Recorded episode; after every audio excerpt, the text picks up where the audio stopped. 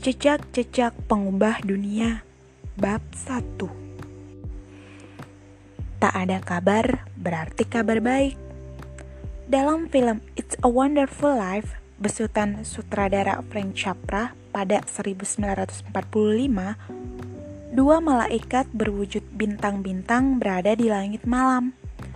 Bintang-bintang berkelap-kelip penuh semangat saat membicarakan George Bailey seorang pahlawan bermasalah yang telah menghabiskan hidupnya untuk meningkatkan hidup orang-orang lainnya. Ada seorang pria di bumi di bawah sana yang membutuhkan bantuan kita. Malaikat pertama berkelap-kelip.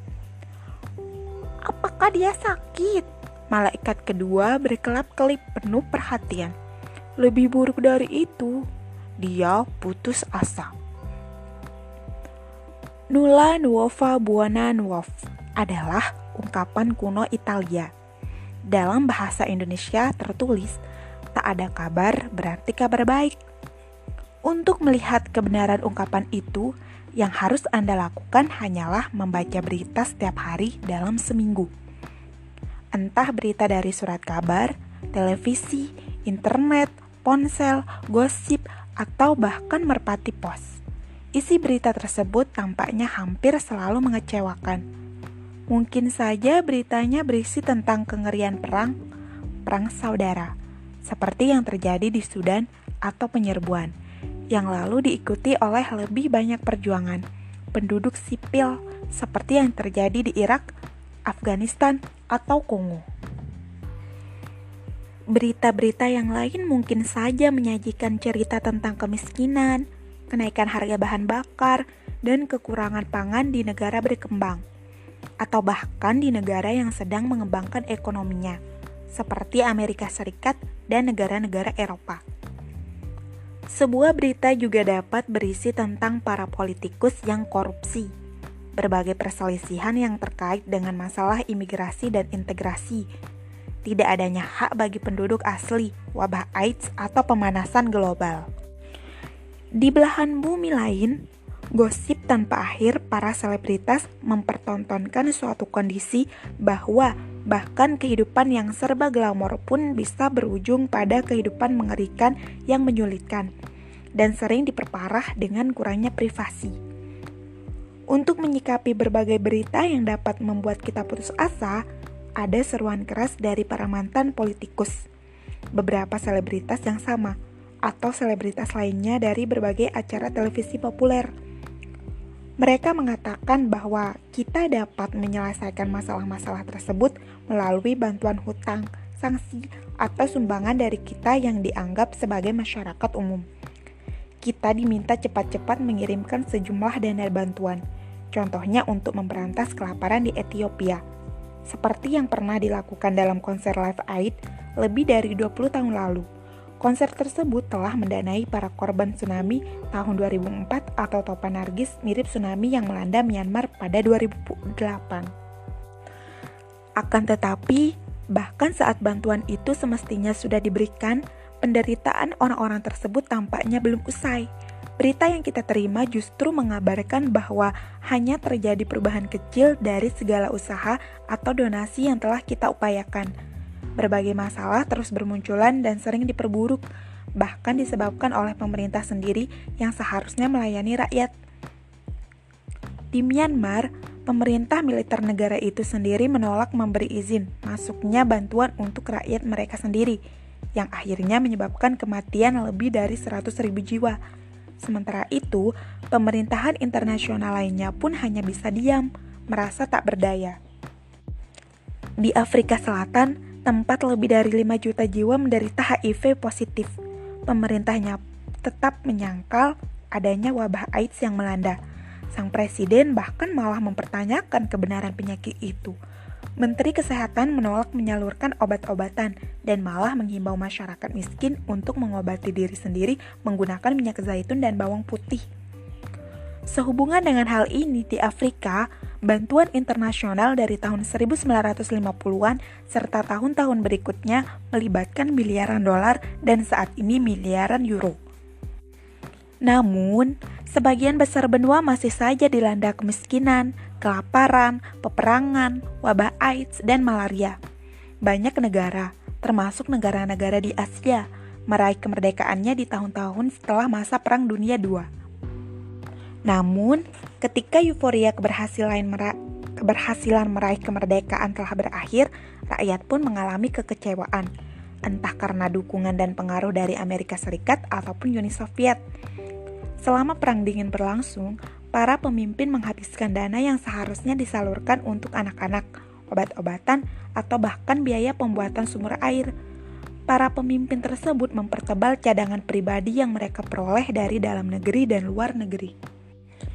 Namun, Anda tak perlu terbang ke negara-negara berkembang untuk menyaksikan segala bentuk korupsi atau ketidakefisienan yang terjadi seseorang hanya perlu melihat banjir yang disebabkan badai Katrina di New Orleans saat pemerintah Amerika Serikat membiarkan rakyatnya sendiri mengatasi lumpur hingga berbulan-bulan.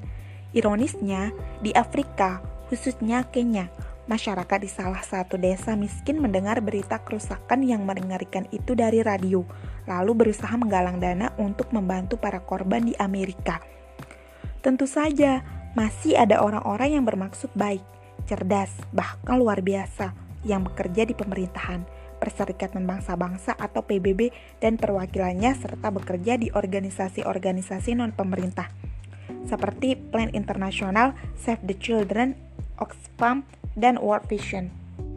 Lebih berani daripada Sisyphus, para individu ini terkadang mengesampingkan urusan dokumen dan peraturan birokrasi yang menyulitkan demi memecahkan berbagai masalah sosial yang tak kunjung reda. Mereka mungkin melanjutkan karir di tempat yang jauh dari rumah dan mencoba menciptakan perubahan nyata demi sesuatu yang lebih baik. Namun, banyak dari mereka yang mengaku frustasi karena organisasi-organisasi besar tempat mereka bekerja ternyata hanya seperti itu adanya, hanya bernama besar. Organisasi-organisasi itu berkembang pesat dan syarat dengan berbagai politik kebijakan namun, solusi-solusi yang mereka miliki mungkin tidak sesuai atau tidak mampu menyesuaikan diri secepat masalah yang muncul. Rasa cemburu pun dapat muncul di antara para pegawai setempat terkait apa yang mereka anggap sebagai patokan gaji paling tinggi dibandingkan upah mereka sendiri. Beberapa organisasi-organisasi non-profit ini telah memasang iklan melalui televisi selama bertahun-tahun tentang anak-anak yang membutuhkan bantuan untuk mendapatkan sumbangan dari para pemirsa. Dalam istilah tertentu, beberapa dari iklan-iklan ini dikenal dengan perumpamaan lalat yang mengganggu mata banyak iklan yang menampilkan gambar anak-anak yang kelaparan dan si pemasang iklan menegaskan bahwa perubahan bisa didapatkan dengan Anda mendonasikan uang sebesar 30 dolar atau 30 pound sterling per bulan untuk menjadi sponsor bagi salah satu dari anak-anak kecil yang kelaparan itu. Kita mungkin langsung mengangkat telepon dan mengeluarkan kartu kredit untuk menyumbangkan sejumlah uang hingga kemudian kita mendengar bagaimana mereka menyalahgunakan kepercayaan kita atau bagaimana beberapa yayasan amal menggunakan 80% sumbangan yang mereka terima untuk menutup biaya administrasi mereka sendiri. Banyak yang mengatakan bahwa pendekatan-pendekatan semacam ini bahkan turut andil terhadap apa yang disebut dengan istilah kelelahan terhadap penderitaan setelah berulang kali menyaksikan berbagai penderitaan hidup yang ditayangkan di layar kaca selama bertahun-tahun, kita pun memutuskan bahwa kita sebaiknya hanya memfokuskan diri pada kehidupan dan kesulitan kita sendiri. Entah besar, kecil, atau hanya bayangan kita saja. Akhirnya, setelah menonton begitu banyak berita yang mematahkan semangat, diikuti dengan berbagai iklan-iklannya, masalah-masalah yang ada di dunia ini tiba-tiba terasa begitu besar entah itu di Sudan atau Irak. Jutaan anak menghadapi kelaparan atau mengalami bencana di negaranya dengan perasaan bahwa kiamat sudah dekat. Menyumbangkan sedikit uang setiap bulan bisa jadi hanya sia-sia belaka. Ada lagi hal yang membuat masalah penderitaan global makin mematahkan semangat kita, yaitu mereka yang berjuang menegakkan kebenaran sering kali pada akhirnya justru lebih menderita lagi. Hal ini membuat seluruh keadaan tampak makin tak adil. Kita bahkan sudah banyak mendengar kisah-kisah legenda tentang mereka yang bertindak demi kebaikan banyak orang. tetapi malah menderita karenanya. Sebagai contoh nyata, misalnya kisah tentang mereka yang dilemparkan pada singa selama masa Romawi. Mungkin tokoh abad ke-20 yang bisa dijadikan contoh tentang hal ini adalah Bunda Teresa. Meskipun lahir di Albania, Bunda Teresa melayani mereka yang miskin dan membutuhkan bantuan di Kalkuta, India, suatu tempat yang berjarak ribuan mil dari rumahnya selama 40 tahun. Beliau telah mengikrarkan cinta kepada Tuhannya, bersumpah kepadanya seperti kepada suaminya sendiri. Meskipun setia pada ajaran Katolik yang diyakininya, Bunda Teresa melakukan tugasnya tanpa melakukan apa yang kita sebut sebagai berdakwah.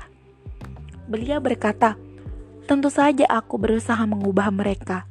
Aku mengubah mereka menjadi penganut Hindu, Islam, atau Kristen Protestan yang lebih baik. Begitu Anda menemukan Tuhan, semua terserah pada diri Anda sendiri bagaimana beribadah kepadanya.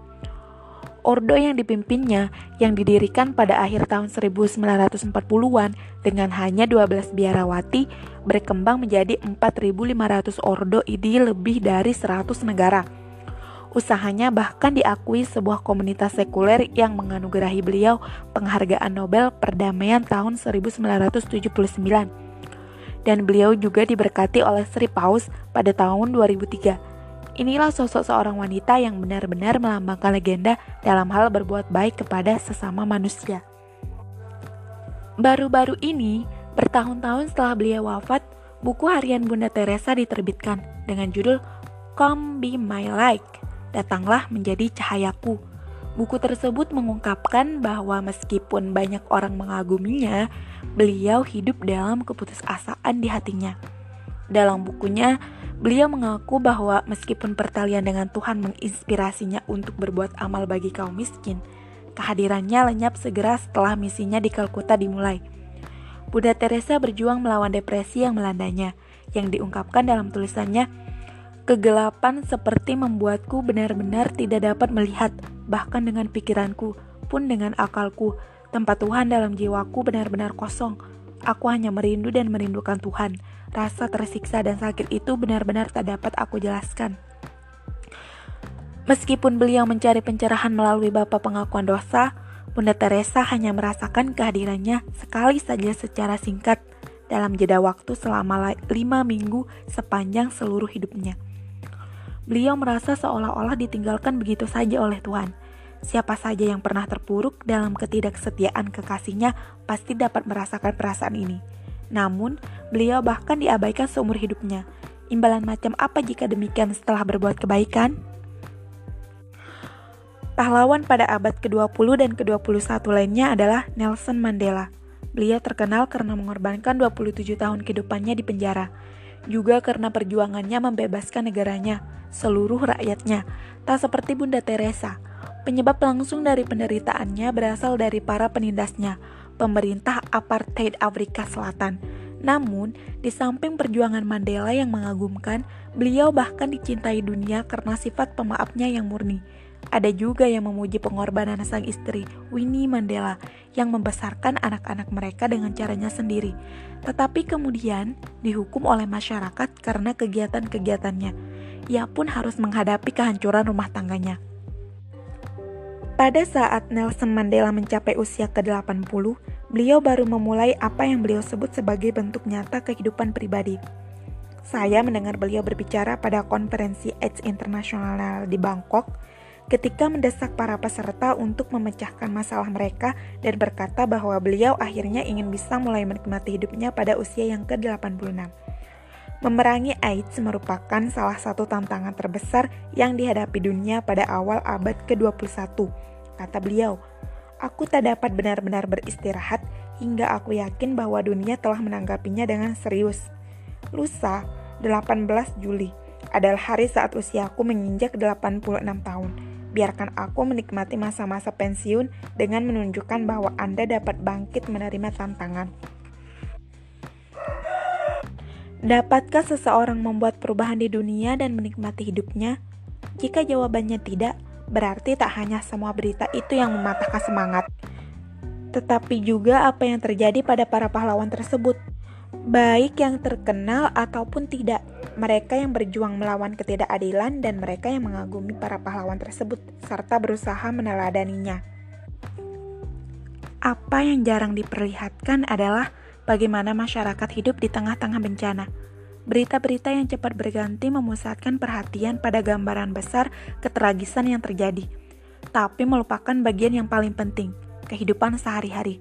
Sebenarnya, Bahkan di tengah-tengah peperangan dan kemiskinan yang terjadi, orang-orang tetap melakukan yang terbaik yang dapat mereka lakukan dengan lebih baik. Anehnya, banyak di antara mereka yang jauh lebih menderita dari yang kita bayangkan, tetapi mereka dengan mudah masih menemukan kebahagiaan dan kepuasan batin saat menolong sesama. Pandangan pertama secara sekilas terhadap hal ini saya alami saat bertemu dengan seorang pria muda di Sierra Leone setelah meletusnya perang saudara yang kejam yang berlangsung selama 10 tahun di negara tersebut. Pria itu mengenakan kaos putih dan celana panjang berwarna khaki. Ia bercerita bagaimana ia dipilih sebagai pemimpin kamp pengungsi di ibu kota negara Freetown. Di dalam deretan gubuk-gubuk kreot beratap seng itu, tinggallah orang-orang yang anggota badannya diamputasi paksa oleh para tentara pemberontak, termasuk gadis cilik berusia 2 tahun yang hanya mempunyai satu tangan. Beberapa tahun sebelumnya, para pemberontak menangkap pria muda ini di dekat rumahnya. Begitu membaca kartu pelajar pria tersebut, para pemberontak memotong tangannya dengan kejam dan dengan sombongnya mengejek pria tersebut bahwa mulai sekarang dia tidak dapat bersekolah lagi. Namun, kelak di kamp pengungsi, sembari memastikan segalanya berlangsung lancar dan setiap orang mendapatkan jatah makan mereka, pria muda itu tetap bertekad untuk melanjutkan pendidikannya ke jenjang perguruan tinggi. Saat kami mengobrol, si gadis kecil yatim piatu berdiri di sampingnya. Tampak jelas bahwa si pria muda adalah panutannya. Setelah kami ngobrol, saya melihat bagaimana mereka berdua berjalan berdampingan. Si pria dalam setelan kaki dan si gadis kecil dalam balutan gaun bermotif bunga. Satu tangannya yang tersisa memegang sisi samping pria itu, dan si gadis pun berjalan dengan melompat-lompat. Tidak seperti George Bailey dalam masa-masa keputusasaannya yang dituangkan dalam bukunya It's a Wonderful Life. Hidup ini indah. Si gadis cilik yang diamputasi paksa dan si pemuda yang selalu ingin belajar ini tetap penuh semangat dan bahkan menularkan semangat itu kepada yang lain atau seperti yang Siri sebut dengan istilah menginspirasi. Bertentangan dengan apa yang mungkin kita dengar dari berbagai berita Sebenarnya masih banyak orang seperti pria muda itu, dan masih banyak lagi yang tidak harus mengalami penderitaan seperti itu untuk mendapatkan kebahagiaannya. Jika kita memiliki keinginan untuk membantu sesama, entah di Afrika, kota kecil Kalamazoo di Michigan, mampukah kita melakukannya? Dan seperti pria muda yang memiliki keinginan meraih gelar dari perguruan tinggi, apakah kita juga masih memiliki hak atas kehidupan kita sendiri? Ya, Menurut setiap orang yang kisahnya saya tuliskan di dalam buku ini, kita mampu seperti Siri yang mengurus ribuan anak, sekaligus mengurus keluarganya, rumahnya, dan kebun cantiknya yang penuh dengan berbagai macam bunga anggrek. Dan Siri pun masih bisa mengenakan sepasang sepatunya yang indah. Makin saya mengenal orang-orang seperti Siri, makin banyak pertanyaan yang muncul. Mengapa kita harus menolong orang lain? Apakah hanya agar segalanya lebih teratur? Apakah merupakan suatu kesombongan jika kita berpikir bahwa kita dapat melakukannya sejak awal? Mengapa sebaiknya kita yakin bahwa masalah orang lain pun dapat menjadi masalah kita juga, padahal orang itu tidak ada hubungan keluarga apa pun dengan kita? Ternyata, akar dari kata kebaikan bermakna menjadikan orang lain sebagai keluarga sendiri. Setiap orang-orang ini, dengan kebaikan mereka, membantu orang lain yang tampaknya tidak ada hubungan apa pun dengan mereka. Ternyata telah menciptakan sebuah keluarga yang jauh lebih besar dari yang dirasakan, dan mereka belajar untuk peduli kepada sesama, terlepas dari keadaan yang sedang mereka alami sendiri, terlepas apakah mereka hidup dalam kemakmuran atau bahkan kemalangan. Mereka berhasil meraih kesuksesan dalam kepeduliannya terhadap sesama sekaligus dalam mencapai karir mereka sendiri sehingga membuat hidup mereka penuh makna. Meskipun tak selalu penuh sukacita, mereka berhasil meraih tujuan. Jadi, apa yang sebenarnya menggerakkan semua ini di saat miliaran dolar, euro, pound sterling, shilling, atau baht tak dapat berbuat apa pun? Bahkan yang lebih penting lagi, apa dampak bagi kita saat kita mampu menjadi orang yang suka menolong sesama. Sesungguhnya, dapatkah hal tersebut meningkatkan kebahagiaan diri kita sendiri?